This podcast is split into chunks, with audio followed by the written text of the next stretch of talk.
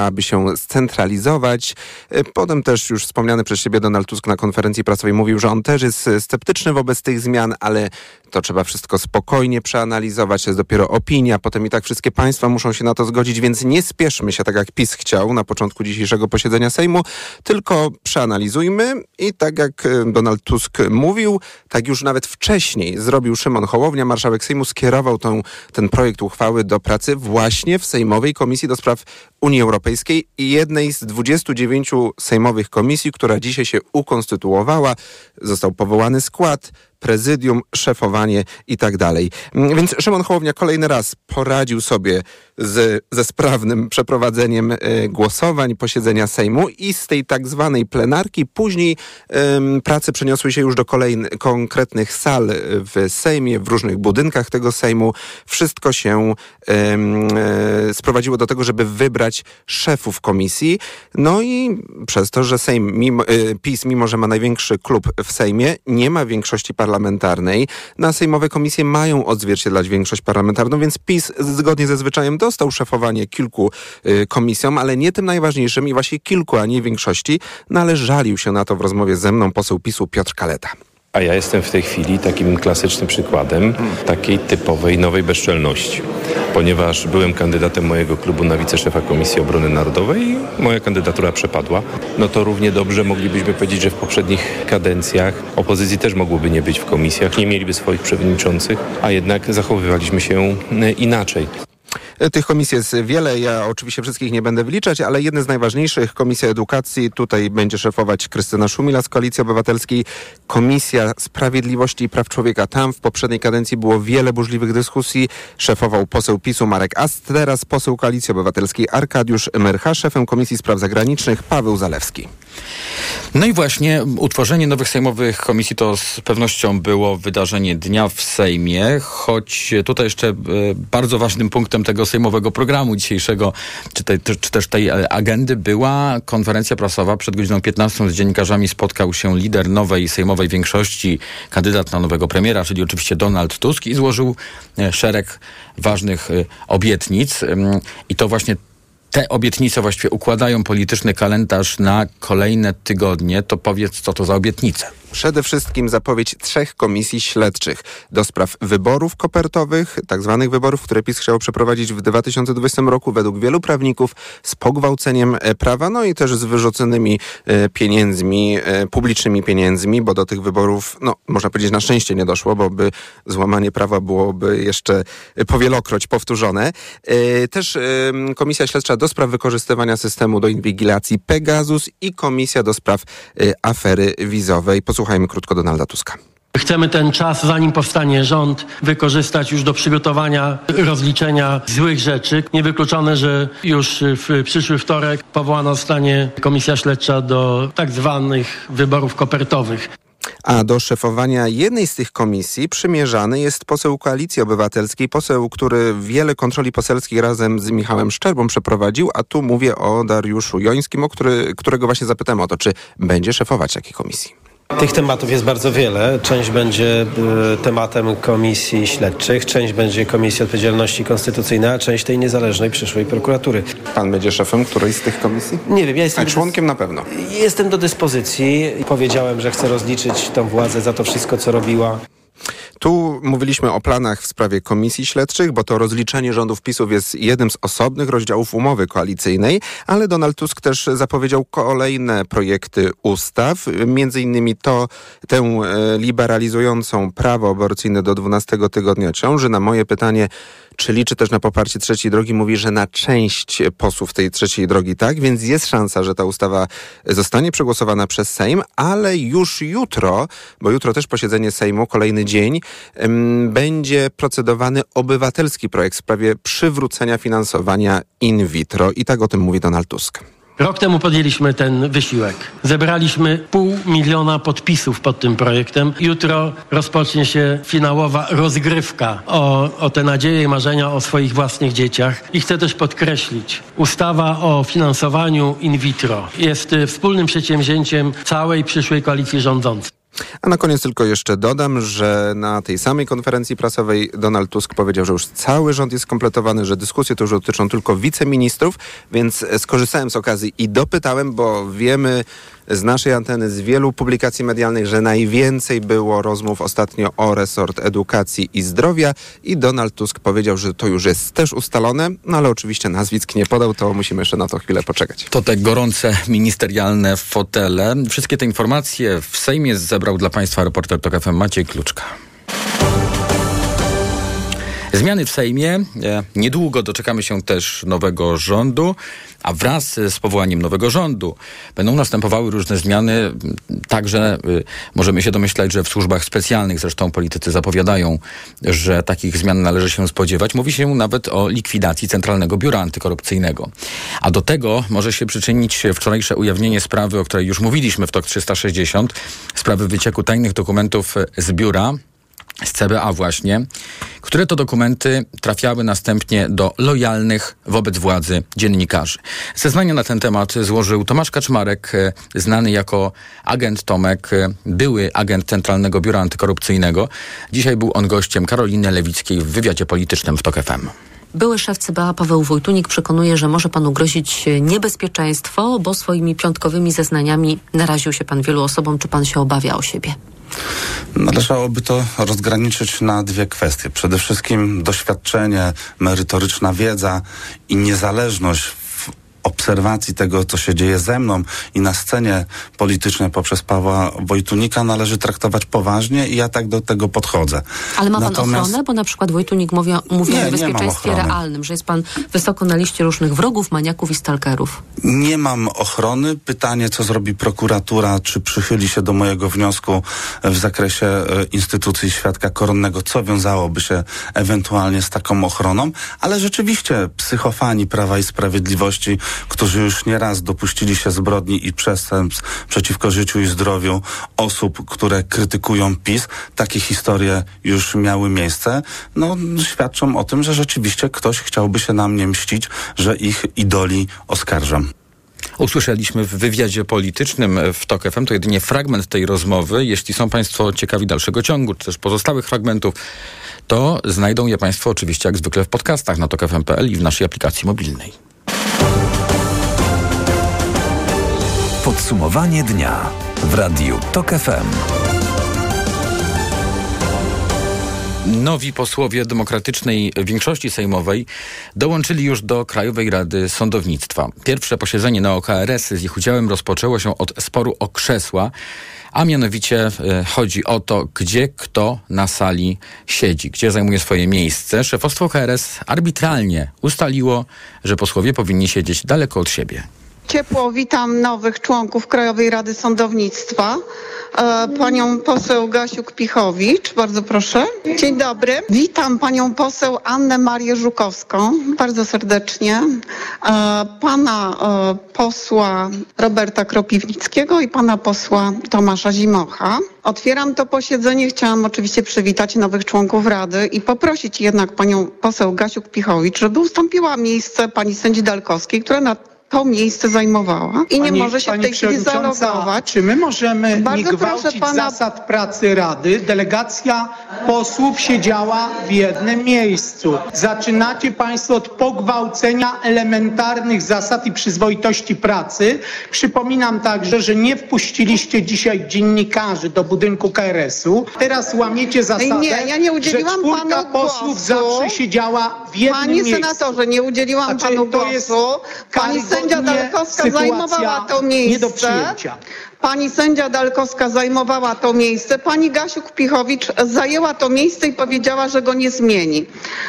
Zatem mamy do czynienia z pewnym przedszkolem i wolałabym tego uniknąć, bo oczywiście dyskusja o miejscach jest możliwa, ale nie jest możliwe. Nie są akceptowalne w normalnym społeczeństwie zachowania polegające na podsiadaniu krzesła innemu członkowi Rady, to troszeczkę urąga pewnym zasadom zarówno kultury, jak i powagi. W mojej ocenie ta próba podejmowania no, dziecinnych działań, które utrudniają pełnoprawnym członkom Rady uczestniczenie w jej posiedzeniu, znaczy ja zostawię to, mówiąc wprost, bez komentarza. To, że bezprawnie powołani członkowie KRS-u utrudniają nam dzisiaj zajęcie miejsc tutaj, nie czyni państwa prawidłowo umocowanymi. Pani przewodnicząca. Pani, artykuł... Przepraszam, panie, e, panie senatorze, pani poseł cały czas mówiła o wniosku formalnym i ja udzielam Oczywiście. jej teraz głos. Wnioski formalne głosuje się poza kolejnością i przewodnicząca udziela, a nie może udzielać. W tym momencie mówiąc e, w imieniu, ale też jako legalnie wybrany przez Sejm dziesiątej kadencji. Członek Krajowej Rady Sądownictwa. Kierowana przede wszystkim taką elementarną potrzebą przywrócenia w Polsce standardów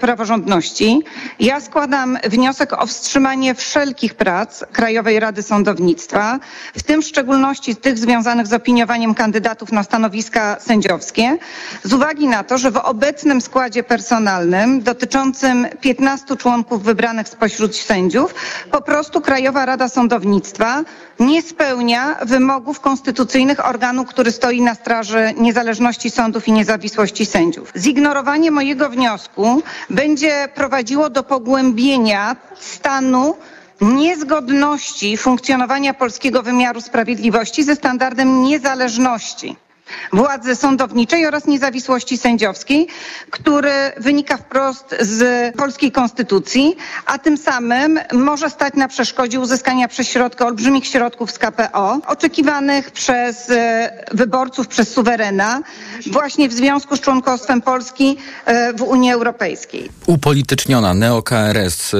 pokazała posłom, kto przynajmniej na razie ma w Krajowej Radzie Sądownictwa większość.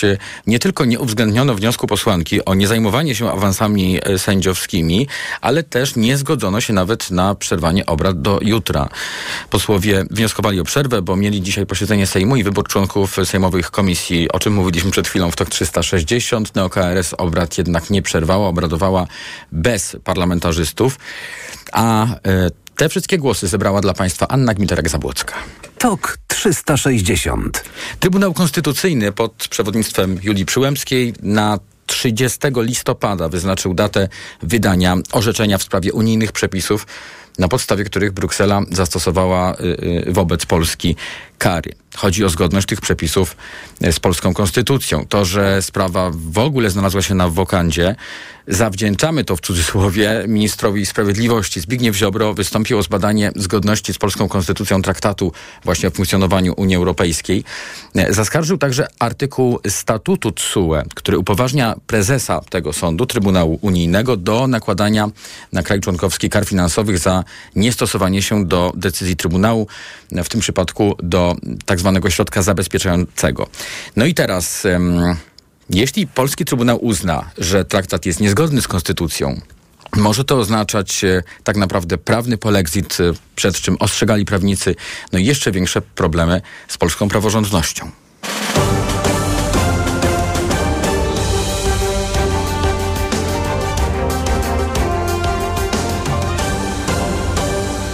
Mija 10 lat od początku Euromajdanu, czyli prodemokratycznych demonstracji w Kijowie. Trwały przez 3 miesiące. W czasie manifestacji i zamieszek zginęło 99 osób, a ponad 3000 osób zostało rannych. Niezadowolenie obywateli było skutkiem wstrzymania przez ówczesnego prorosyjskiego prezydenta Wiktora Janukowicza no, a także brał w tym udział premier ówczesny tego kraju, negocjacji akcesyjnych z Unią Europejską. W dniu tej rocznicy prezydent Ukrainy Wołodymyr Zełenski powiedział, że protesty na Majdanie były pierwszym zwycięstwem wojny z Rosją. Dodał, że 10 lat temu Ukraińcy zaczęli swoją pierwszą kontrofensywę.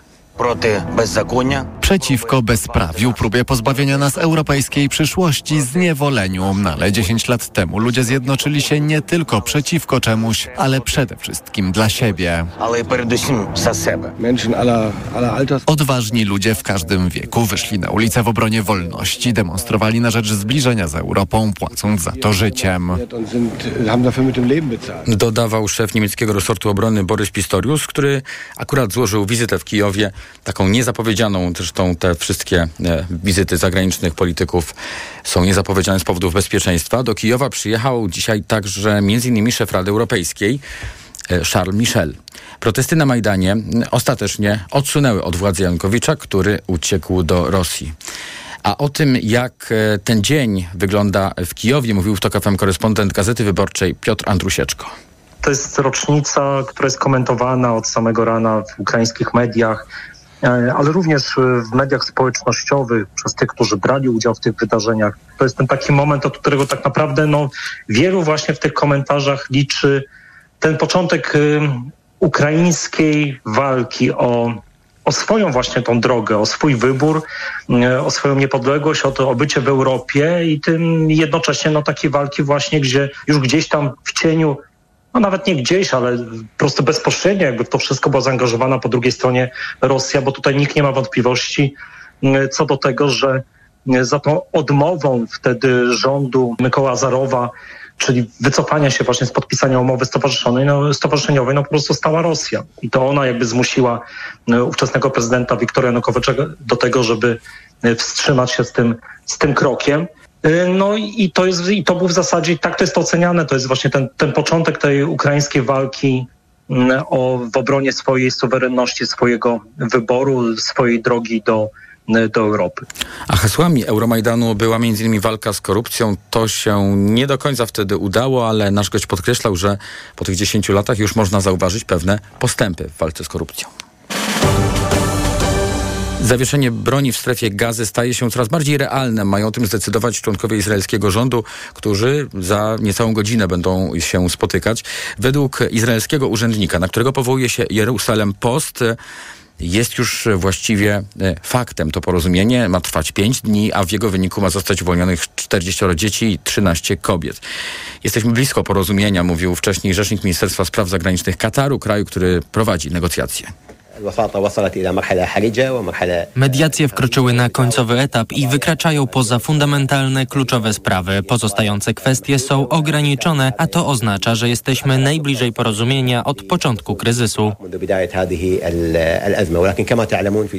Zakładnicy będą e, wymieniani za palestyńskich więźniów. To jest e, bardzo ważna decyzja w trwającym konflikcie pomiędzy Izraelem a Hamasem i tych walkach, które się toczą w strefie gazy. Decyzja, na którą właściwie jeszcze czekamy, bo w, aktualnie ona jest podejmowana. O czym na bieżąco mówimy w podsumowaniu dnia.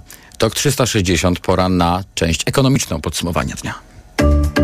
Ekonomia 360. Wojciech Kowalik. Wzrost pensji w gospodarce mocno przyspiesza. Przeciętne wynagrodzenie w październiku było o niemal 13% wyższe niż rok temu i przekroczyło 7,5 tysiąca złotych brutto. Te dane GUS-u dotyczą jedynie średnich i większych firm, a więc niespełna połowy zatrudnionych, ale pokazują pozytywny trend w gospodarce, mówi Marcin Mrowiec, główny ekonomista Grant Thornton. Dane są o tyle dobre, że w dużej mierze tempo naszego ożywienia gospodarczego będzie zależało właśnie od tego, jak bardzo sytuacja pracowników, konsumentów będzie się poprawiała. A dla konsumpcji prywatnej kluczową zmienną jest e, e, wzrost płac, w szczególności realny wzrost płac. To znaczy to, ile zostaje, zostaje nam po tym, jak inflacja zjada to co, to, co zjada. E, no i tutaj w ostatnich miesiącach mieliśmy wyraźny trend dezinflacyjny, który niestety najprawdopodobniej się zatrzyma. Jeżeli chodzi o najbliższe 2-3 odczyty inflacyjne, one będą prawdopodobnie bardzo zbliżone do tych, do tych ostatnich, czyli w granicach 6,5-6,6%. E, natomiast to, że rosną płace, no to powoduje, że ten e, realny wzrost płac jest trochę lepszy niż był miesiąc czy, czy dwa miesiące temu. E, I to jest dobra wiadomość z punktu widzenia wzrostu PKB w czwartym kwartale. Realna dynamika płac w gospodarce była w październiku najwyższa od 4,5 roku. Lepsze dane napłynęły też dziś z przemysłu, a to ważny silnik gospodarki. Jego produkcja była w październiku wyższa o ponad 1,5% w skali roku. Wyszła na plus pierwszy raz od stycznia. Zdaniem ekonomistów to potwierdza tezę o rozpoczynającym się ożywieniu polskiej gospodarki. Komisja Europejska zatwierdza zmiany w polskim Krajowym Planie Odbudowy, a to otwiera drogę do wypłaty pierwszej zaliczki na poczet KPO dla Polski w wysokości 5 miliardów euro. To ważny krok na drodze do uzyskania całości unijnych pieniędzy, mówi TOK FM szef pracodawców RP Rafał Dudkiewicz. Najważniejszym, jak sądzę, aspektem tego zastrzyku, którym będzie KPO, jest to, że nastąpi pewne pobudzenie inwestycji. Polska bardzo łaknie inwestycji, także jeśli rzeczywiście środki z KPO wpłyną do Polski, no to są to bardzo, bardzo pozytywne, bardzo dobre symptomy. Decyzje nie odblokowują jeszcze jednak głównej puli pieniędzy z KPO. Do uruchomienia tych pieniędzy polskie władze muszą się wywiązać najpierw z tak zwanych kamieni milowych. Były członek Rady Polityki Pieniężnej profesor Andrzej Wojtyna nie ma wątpliwości, że Adam Glapiński powinien stanąć przed Trybunałem Stanu. Zdaniem ekonomisty główny zarzut pod adresem szefa Narodowego Banku Polskiego to skrajne upolitycznienie NBP, a to instytucja, która powinna być niezależna od rządzących, mówił w TOK FM na Open Eyes Economy Summit w Krakowie profesor Wojtyna. Profesor Glapiński chwali się i ch chciał, żeby byśmy się cieszyli, że inflację wysoką sprowadził do pełzającej. Natomiast pełzające było stopniowe upolitycznianie banku centralnego, które przeszło w taki galopujący autorytaryzm. Wniosek o Trybunał Stanu dla Adama Glapińskiego zapowiadają politycy nowej, demokratycznej koalicji. Wczoraj w obronie Adama Glapińskiego stanął premier Mateusz Morawiecki. Ustępujący szef rządu mówił, że nie ma żadnych podstaw do oskarżenia prezesa NBP.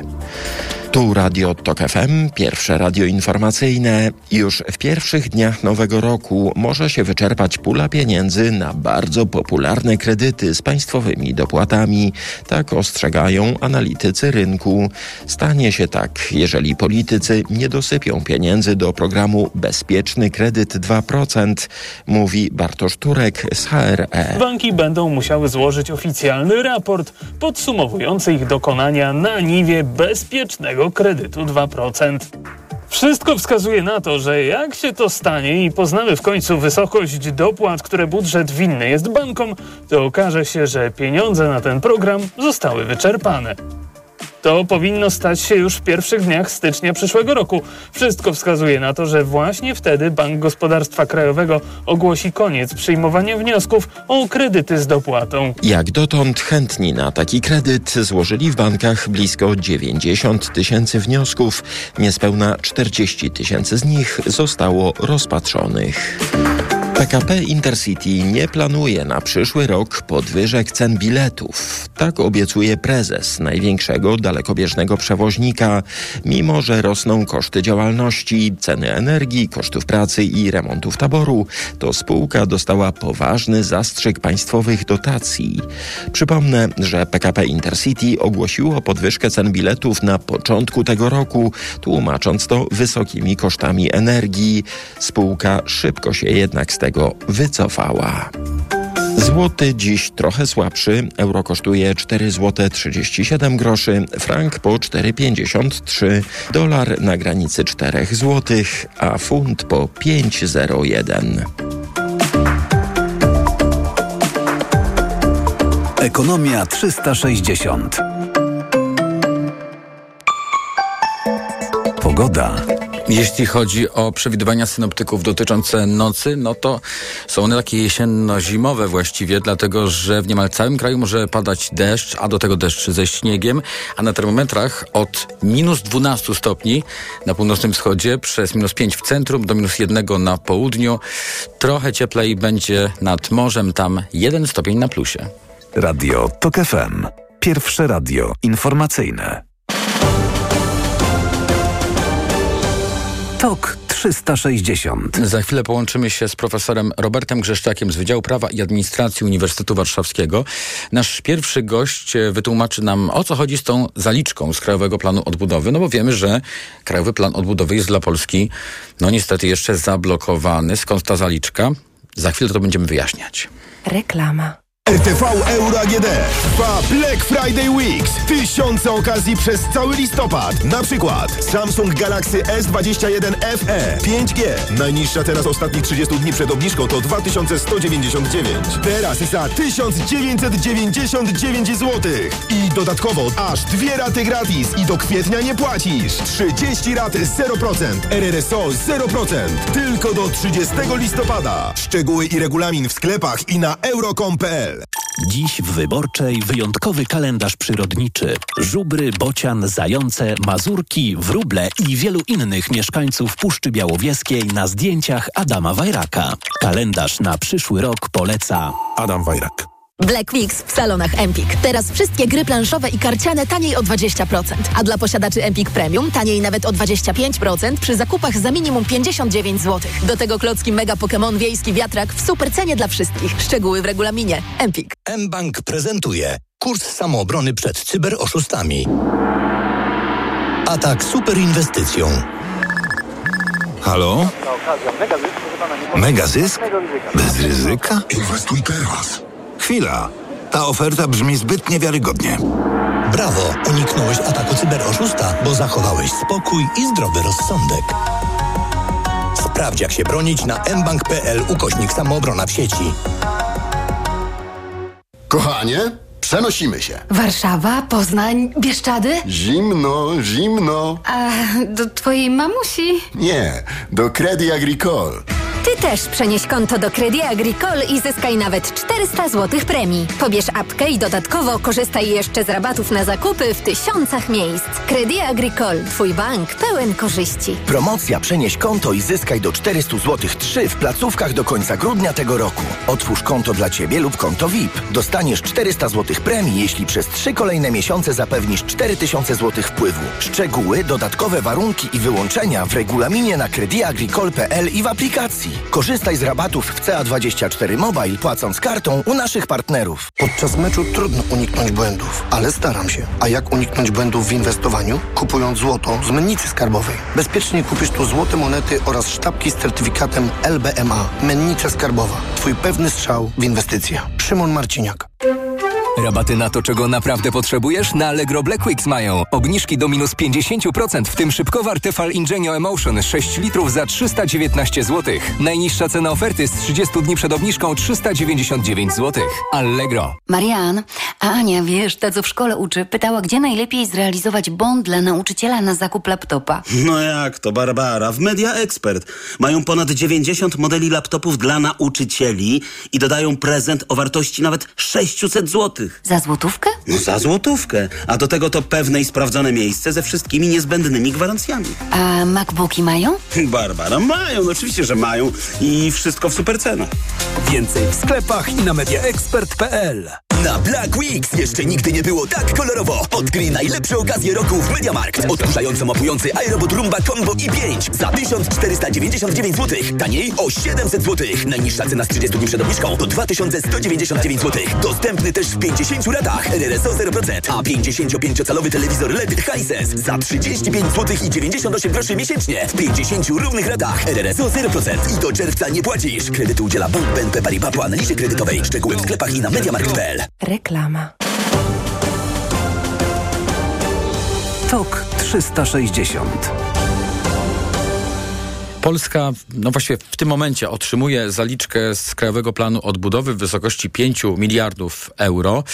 I ta decyzja została ogłoszona dzisiaj, y, ale y, czy to znaczy, że Krajowy Plan Odbudowy dla Polski został jakoś częściowo odblokowany? To jest pytanie do naszego pierwszego gościa, profesor Robert Grzeszczak z Wydziału Prawa i Administracji Uniwersytetu Warszawskiego. Dobry wieczór, witam w Radiu Tok FM. Dobry wieczór. No i na wstępie właśnie proszę to wyjaśnić. Jak to jest, że KPO jest wciąż zablokowane, a płyną te, płynie ta duża suma do Polski? Tak, y, mamy do czynienia z takim, no nie chcę powiedzieć odpryskiem, ale subprogramem y, do y, głównego trzonu KPO, który jest rządzony nieco innymi, bardziej pragmatycznymi regułami. Ta, ta pragmatyczność nie oznacza lepsze, gorsze, tylko po prostu to jest inny strumień pieniędzy. A więc nie możemy tego prze, przekładać i rozszerzać na całe KPO. Po prostu w, w interesie Unii Europejskiej jest jak najszybsze i generalne zareagowanie reagowanie na kryzys energetyczny i na odcinanie się e, w uzależnieniu, czy przecinanie tego uzależnienia od e, gazu i od e, ropy rosyjskiej. I to właśnie z tego powodu ta kwota zaliczki nie podlega tej blokadzie nałożonej na Polskę?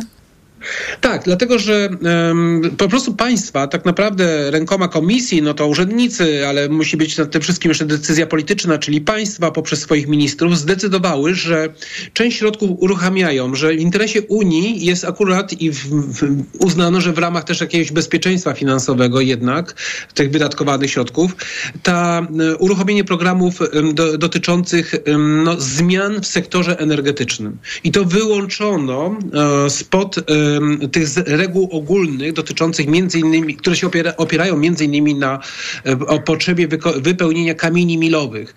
Ja przypominam, że KPO to jest dużo bardziej skomplikowana e, materia. To jest e, zespół różnych reform oraz działań liczonych w kilku, w kilku setkach, które są oczekiwane od strony polskiej.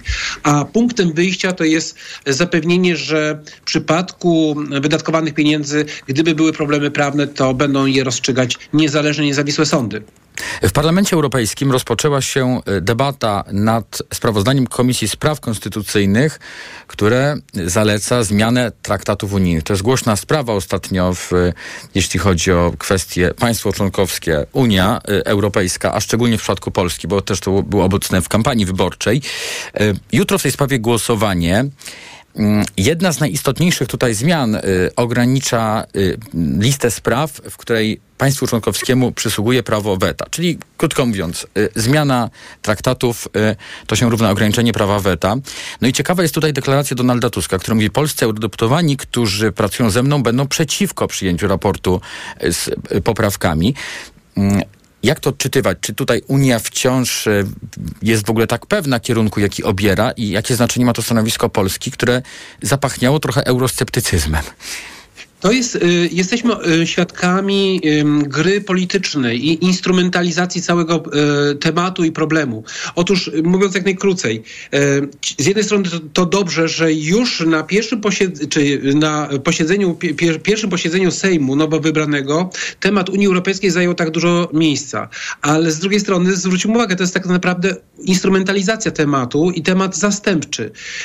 Dotychczasowa partia rządząca pokazuje na, moim zdaniem, i wynikające z mojej wiedzy na ten temat e, wymyślone, wydumane problemy dotyczące e, suwerenności, naszej pozycji, przedstawiając e, Polski w Unii, przedstawiając cały ten pop cały pakiet bardzo liczny i bardzo szerokich reform w Unii Europejskiej jako obrócony przeciwko nam, jako taki trochę w teorii spiskowej, powstający gdzieś przeciwko Polsce i być może jeszcze Węgrom.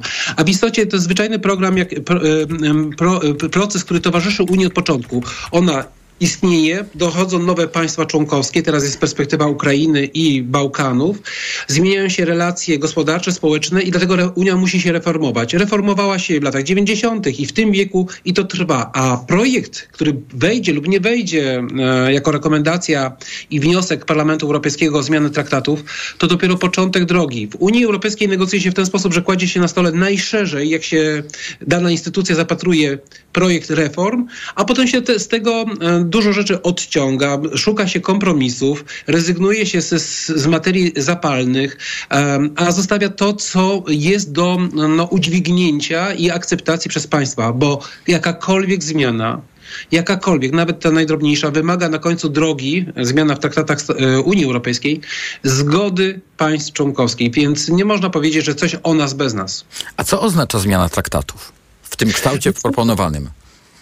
Ten kształt, który proponuje parlament jest bardzo szeroki i jest oczywiste, że on nie wejdzie, nie ma szans na to, żeby był w ogóle procedowany w tak szerokim zakresie. To jest próba podniesienia tematu, bo temat jest ważny. Chcemy się rozwijać, chcemy się rozszerzać jako Unia, musimy się do tego przygotować.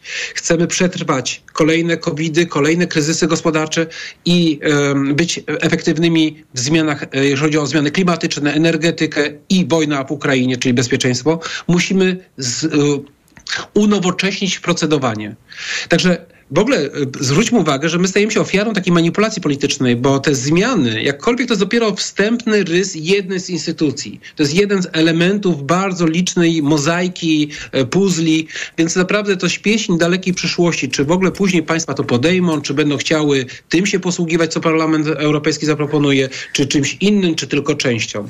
A nam to się w ogóle przedstawia jako e, właśnie spisek na nasze interesy, jako, jako działanie przeciwko no, Polsce. Tak, ustępujący rząd to, to przedstawiał, a tutaj w, przyszły premier Donald Tusk trochę sceptycznie, ale no, na pewno nie, nie, nie w takim stopniu jak bo, poprzedni. Bo jest, tak, bo jest pewnym klinczu politycznym. Jeżeli się posługujemy takimi pojęciami jak suwerenność, jak godność, jak e, dobrostan, jak e, e, nasza, interes naszej, naszego, naszej ojczyzny i konfrontuje tutaj mhm. to partia rządząca... powoli już ustępująca rządu z, z, z, reformami, no to my, my stajemy od razu w opozycji te reformy przeciwko nam, a Unia to my i my potrzebujemy Unii sprawnej. Natomiast to jest dopiero początek drogi. Profesor Robert Grzeszczak z Wydziału Prawa i Administracji Uniwersytetu Warszawskiego był razem z nami w podsumowaniu dnia. Za chwilę dr Magdalena Kumelska-Koniecko z Instytutu Nauk Politycznych Uniwersytetu Warmińsko-Mazurskiego będziemy rozmawiali o zawieszeniu broni w strefie gazy. Reklama. RTV Euro AGD trwa Black Friday Weeks. Tysiące okazji przez cały listopad. Na przykład lodówka Haier No Frost 1,90 m. Najniższa teraz ostatnich 30 dni przed obniżką to 3399. Teraz za 3099 zł. I dodatkowo aż dwie raty gratis i do kwietnia nie płacisz. 30 rat 0%. RRSO 0%. Tylko do 30 listopada. Szczegóły i regulamin w sklepach i na euro.com.pl. Koniec roku? Czas na zmiany. Odważna stylistyka, nowoczesna technologia oraz frajda z jazdy czekają na Ciebie. Opel Astra, Mokka i dostawcze Mowano z wyprzedaży rocznika 2023 są jeszcze dostępne. Wyjedź z salonu swoim nowiutkim Oplem przed nowym rokiem. Największy wybór masz na początku akcji. Z finansowaniem w pożyczce 50 na 50 RRSO 0% lub w leasingu 101% dla firm. Sprawdź dostępne oferty u swojego dealera lub na opel.pl. Black Week w T-Mobile. Teraz Samsung Galaxy A34 5G w abonamencie od 1099 zł. Najniższa cena z ostatnich 30 dni przed obniżką 1749 zł. Wow! Sprawdź w sklepach i na T-Mobile.pl. Jak dużo miejsca potrzebujesz? Mercedes-Benz ma idealną przestrzeń dla Twojego biznesu. Sprawdź dostawcze modele Citan, Vito i Sprinter w atrakcyjnej ofercie Lease and Drive dla przedsiębiorców. Citan Furgon w doskonałej cenie już za 1163 zł netto miesięcznie. Wybierz przestrzeń, komfort i bezpieczeństwo, a znajdziesz miejsce na przyjemność w swojej pracy. Samochody dostępne od ręki czekają w salonie online Mercedes-Benz. Sędzio, nic nie było!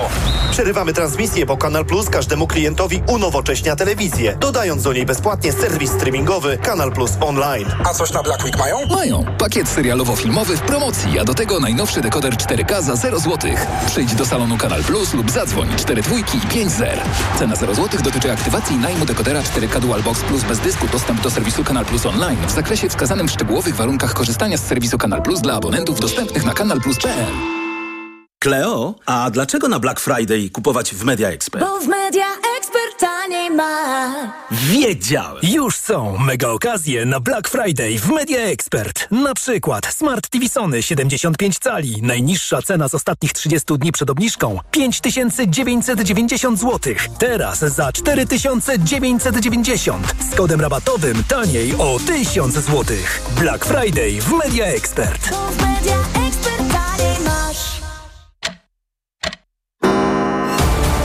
promocje, na które warto czekać. Markowe zegarki teraz minus 60%. Black Sales w Time Trend i na timetrend.pl. Doceniaj chwilę. Barbara, ja jestem gotowy. Ale na co, Marian? Wycisnąć na maksa, co się da z Black Friday w Media Expert. A, czyli kupić na 30 lat 0% i do kwietnia nie płacić i jeszcze dwie raty gratis dostać. A jak? RSO 0%. Więcej w sklepach i na mediaexpert.pl. Oh yeah! Wesołego Black Friday w Carrefourze. Tylko teraz wszystkie książki aż 30% taniej. Oferta ważna do 25 listopada. Więcej ofert znajdziesz w gazetce. Carrefour. Świętuj z nami przed świętami. Drużynowe Mistrzostwa Świata Mężczyzn w tenisie już od 21 listopada wyłącznie w pilocie WP. Oglądaj zmagania najlepszych tenisistów o Puchar Davisa. Tych emocji nie da się z niczym porównać. Pamiętaj, tylko w pilocie WP. Na Black Weeks jeszcze nigdy nie było tak kolorowo. Odkryj najlepsze okazje roku w Mediamarkt. Płyta indukcyjna do zabudowy Beko za 899 zł. Taniej o 240 zł. Najniższa cena z 30 dni przed obniżką to 1139 zł. Szczegóły w sklepach i na mediamarkt.pl. Reklama. Tok 360. Lada moment e, właściwie można się spodziewać ogłoszenia decyzji o zawieszeniu broni w strefie gazy. E, W tej sprawie spotykają się członkowie izraelskiego rządu e, za niecałe pół godziny, jeśli w, odbędzie się to punktualnie i decyzje w tej sprawie będą zapadały. Nieoficjalnie wiadomo, że, że właściwie no, już jest wypracowane to zawieszenie broni, a na ten temat będę rozmawiał teraz z dr Magdaleną Kumelską-Koniecką z Instytutu Nauk Politycznych Uniwersytetu Warmińsko-Mazurskiego w Olsztynie. Dobry wieczór, witam w Radiu Tok FM. Dobry wieczór. Chciałem panią zapytać e, o to, e, mm, co w największym stopniu wpłynęło na to, że udało się osiągnąć, e, czy też uda się, jak się przewiduje, osiągnąć to zawieszenie broni? Czy, te, czy to była presja ze strony mm, samych Izraelczyków, którzy też e, w, po, tych, po tym już którymś tygodniu e, trwających walk e, zmieniają swój stosunek do tych walk na pewno, czy też może presja międzynarodowa? Co tutaj się wydarzyło? Myślę, że na porozumienie o zawieszeniu broni złożył, e, złożył się szereg e, czynników natury wewnętrznej i zewnętrznej. Wśród czynników wewnętrznych e, możemy absolutnie wymienić frustrację rodzin porwanych izraelskich zakładników, którzy dali temu wyraz podczas ostatniego spotkania z Ben Gwirem, kiedy mm, sfrustrowani zrównaniem przede wszystkim celów wojny Izraela z Hamasem, zareagowali bardzo emocjonalnie, ponieważ Ben Gwir powiedział, że są dwa cele. Po pierwsze pokonanie Hamasu, a po drugie uwolnienie zakładników, co wywołało no, kontrowersje, mówiąc bardzo e, dyplomatycznie. Natomiast e, trzeba też zwrócić uwagę na presję e, ze strony Stanów Zjednoczonych. To jest główny aktor, który ma jakąś realną siłę oddziaływania na rząd Benjamina Netanyahu, choć pokazuje e, dynamika tego e, konfliktu i tutaj też Stany Zjednoczone bywają ograniczone. Natomiast Amerykanie przede wszystkim boją się rozlania konfliktu na cały region, bowiem niebezpiecznie jest e, na granicy z Libanem.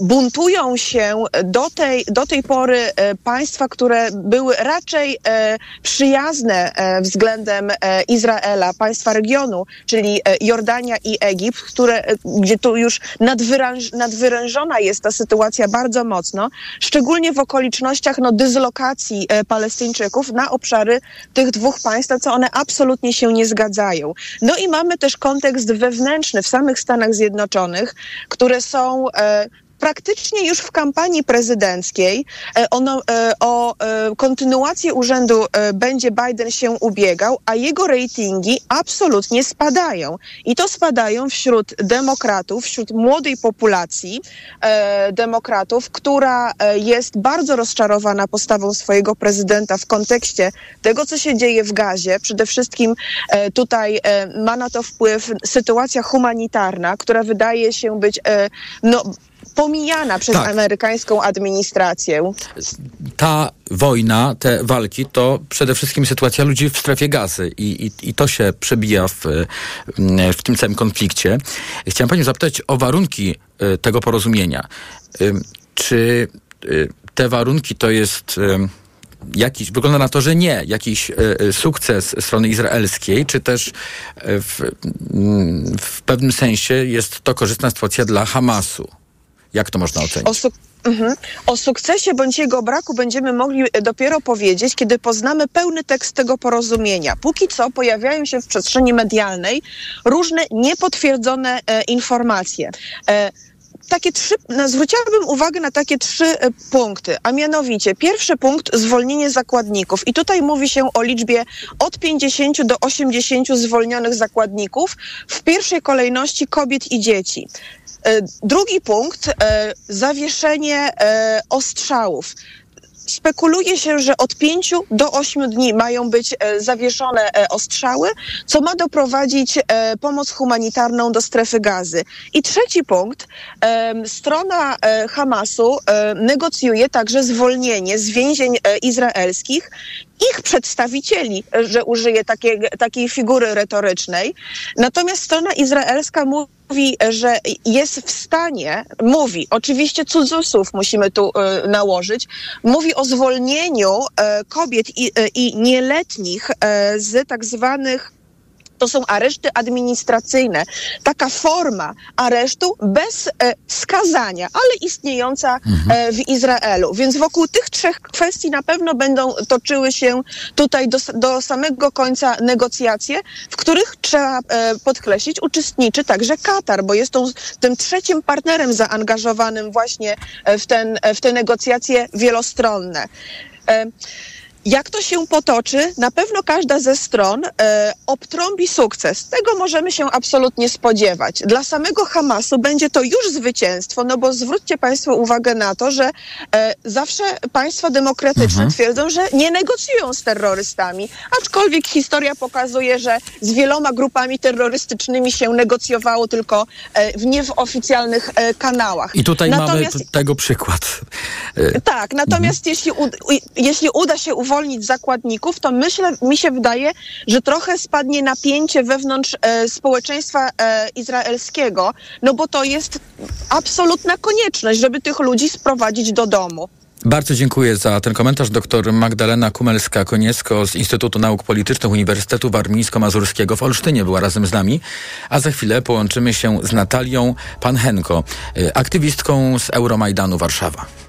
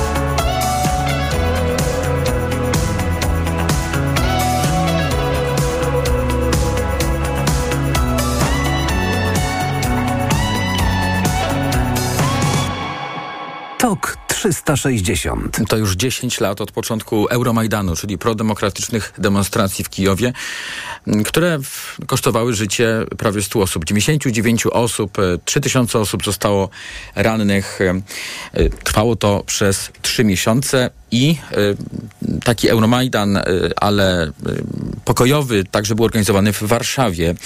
E, Aktywistką Euromajdanu Warszawa była Natalia Panczenko, z którą się teraz łączymy. Dobry wieczór, witam w Radiu Tok FM.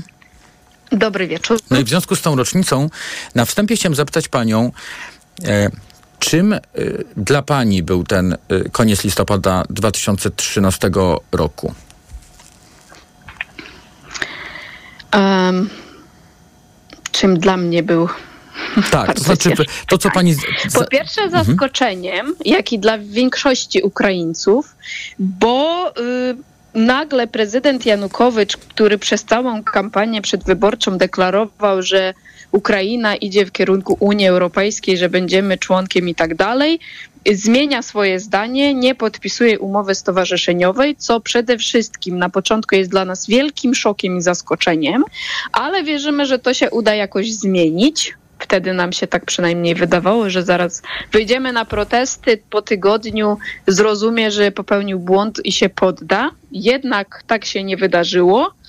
No i później, jak dla nas wszystkich, dla mnie tak samo, ta rewolucja stała się rewolucją godności, rewolucją wolności i demokracji. Wtedy zrozumiałam, że mm, my jako Ukraińcy nie będziemy mieli demokracji tak o, tylko musimy o nią zawalczyć. Nie będziemy mieli niepodległości tak o, tylko musimy ją sobie wywalczyć. No i wtedy moja osobiście walka się zaczęła i właśnie mm, tak samo jak większości Ukraińców trwa y, do tej pory. A jak wyglądała wtedy pani praca na linii właśnie Kijów-Warszawa? Bo to te doniesienia, które z Ukrainy docierały do Polski, y, y, później z biegiem kolejnych dni dramatyczne, no bo okazuje się, że protesty w imię y, wartości w XXI wieku kosztują kogoś życie. Jakie emocje temu towarzyszyły i, i co pani zapamiętała z tego okresu? Najpierw pamiętam, że zorganizowaliśmy protesty tutaj pod ambasadą Ukrainy, y, żeby wyrazić swój sprzeciw y, wobec polityki Janukowycza i po, pokazać swoje wsparcie tym, którzy się zebrali w Kijowie. No i tak jak już pomyślałam, na początku myśleliśmy, że to będzie kwestia kilku protestów. Dalej zrozumieliśmy, że nie, że to musi potrwać dłużej. E, Pamiętam, jak musieliśmy zmienić strategię, wytłumaczyć przede wszystkim sobie i pokornie do tego podejść, że to może być na dłużej, a to była zima, było bardzo chłodno, zimno, ciężko się stało na tych Majdanach i tak dalej. Później w jakimś momencie w ogóle doszliśmy do tego, że no tutaj w Warszawie robimy protesty, opowiadamy opinii publicznej, społeczeństwu polskiemu, europejskiemu o tym, co się dzieje w Ukrainie i jest super, ale jednak tego jest za mało. I wtedy zaczęliśmy jeździć na Majdan. Ja osobiście i bardzo dużo aktywistów, aktywistek z naszego Euromajdanu Warszawa. Zaczęliśmy wymieniać się na tydzień, na dwa, kto na ile może, jak okoliczności pozwalały. Jeździliśmy na Majdan, staliśmy tam razem z protestującymi na protestach, spaliśmy w namiotach, y, no, gotowaliśmy barszcz, y, herbatę i tak dalej, czyli byliśmy tak samo jak oni w tych samych warunkach, czyli tylko czasami wracaliśmy do Warszawy. No i wtedy, kiedy już reżim Janukowycza postanowił strzelać do ludzi, wtedy zrozumieliśmy, że to jest y, prawdziwa walka, że to jest, mo- można powiedzieć, y, jeszcze nie taka wojna, jak dzisiaj już rozumiemy, czym jest wojna, ale wtedy nie widzieliśmy, czym jest wojna i wtedy już y, zrozumieliśmy, że wojna z władzy z narodem się zaczęła, więc musimy tą wojnę wygrać. I wtedy już zaczęliśmy właśnie przekazywać pomoc humanitarną tutaj z Warszawy, zbierać opatrunki, bo było bardzo dużo rannych. Przekazywaliśmy, wieczorem zbieraliśmy, rano to już wszystko jechało do Kijowa i, i przed południem już było w Kijowie. Także y, najpierw pomoc humanitarna, później y, w lutym był jeszcze Majdan i y, właśnie strzelanie do ludzi na Majdanie. A w marcu już się zaczęła okupacja mm, Krymu i zaczęła się okupacja Donieckiego, Ługańskiego obwodu, więc tak naprawdę z tych protestów pokojowych automatycznie włączyliśmy się w wojnę i zaczęliśmy wtedy pomagać pierwszym batalionom ochotniczym, bo Ukraina wtedy absolutnie nie była przygotowana na wojnę, nie mieliśmy armii, wojska, nie było komu tym się zająć. I tak naprawdę to aktywiści z Euromajdanu stali się tymi pierwszymi ochotnikami, którzy zaczęli walczyć już wtedy na prawdziwej wojnie w obronę Ukrainy, y, w obronie jej niepodległości i wartości demokratycznych. Natalia Panczenko, aktywistka Euromajdanu Warszawa, była razem z nami tuż przed godziną 19. Za chwilę informacje. Reklama. RTV Euro AGD trwa Black Friday Weeks. Tysiące okazji przez cały listopad. Na przykład piekarnik Electrolux Steam Crisp. Pieczenie parowe. Najniższa cena z ostatnich 30 dni przed obniżką to 2643. Teraz za 2599 zł. I dodatkowo aż dwie raty gratis i do kwietnia nie płacisz. 30 rat 0%. RRSO 0%. Tylko do 30 listopada. Szczegóły i regulamin w sklepach i na euro.com.pl Wiadomość dla tych, którzy czekają na dobrą okazję na zakup smartfonu. Nie musisz czekać na Black Friday. W sklepie Samsung.pl już teraz kupisz smartfon Galaxy A53 5G w rewelacyjnie niskiej cenie 1399 zł, czyli o 700 zł taniej. Do tego raty 0% z opcją odroczenia aż o 3 miesiące. Promocja trwa do 28 listopada 2023 roku lub do wyczerpania zapasów. Najniższa cena w ciągu 30 dni to 2099 zł. Szczegóły oferty ratalnej na stronie samsung.pl. Nie było, nie było, nie było, ale wreszcie są! Casto Weeks w Castoramie. Łap okazję tylko do 28 listopada. Odbierz aż 40 zł na kupon przy zakupie 5 litrów farb kolorowych Dulux. Takie okazje czekają tylko do 28 listopada. Szczegóły w regulaminie w sklepach i na castorama.pl. Kiedy prowadzisz firmę, wiesz, że liczy się każda złotówka. A kiedy możesz zyskać nawet 2450 zł, wiesz, że czekają na Ciebie świąteczne prezenty od Orange dla firm. Tablet i drugi smartfon za złotówkę oraz abonament na Orange Światłowód w prezencie przez pół roku. Zapraszamy do salonów i na orange.pl. Teraz masz 2450 powodów. Orange dla firm. Dobrego jutra. Po pierwsze, kawa. Intensywny i wyrazisty smak Family pomoże Ci z łatwością przejść przez dzień. Family. Niezmiennie Twój pierwszy wybór teraz w wyjątkowej cenie. Renault. Na drodze powinniśmy kontrolować wszystko, oprócz wyobraźni. Zaawansowane systemy wspomagania prowadzenia. System OpenAir Link z wbudowanymi usługami Google. For Control Advanced. Technologia czterech kół skrętnych. Wybierz nowy Renault Austral e-Tech Full Hybrid z 200-konnym silnikiem. Skorzystaj z kredytu i zyskaj do 12 tysięcy złotych. Zapisz się na 24-godzinną jazdę testową. Szczegóły w salonach i na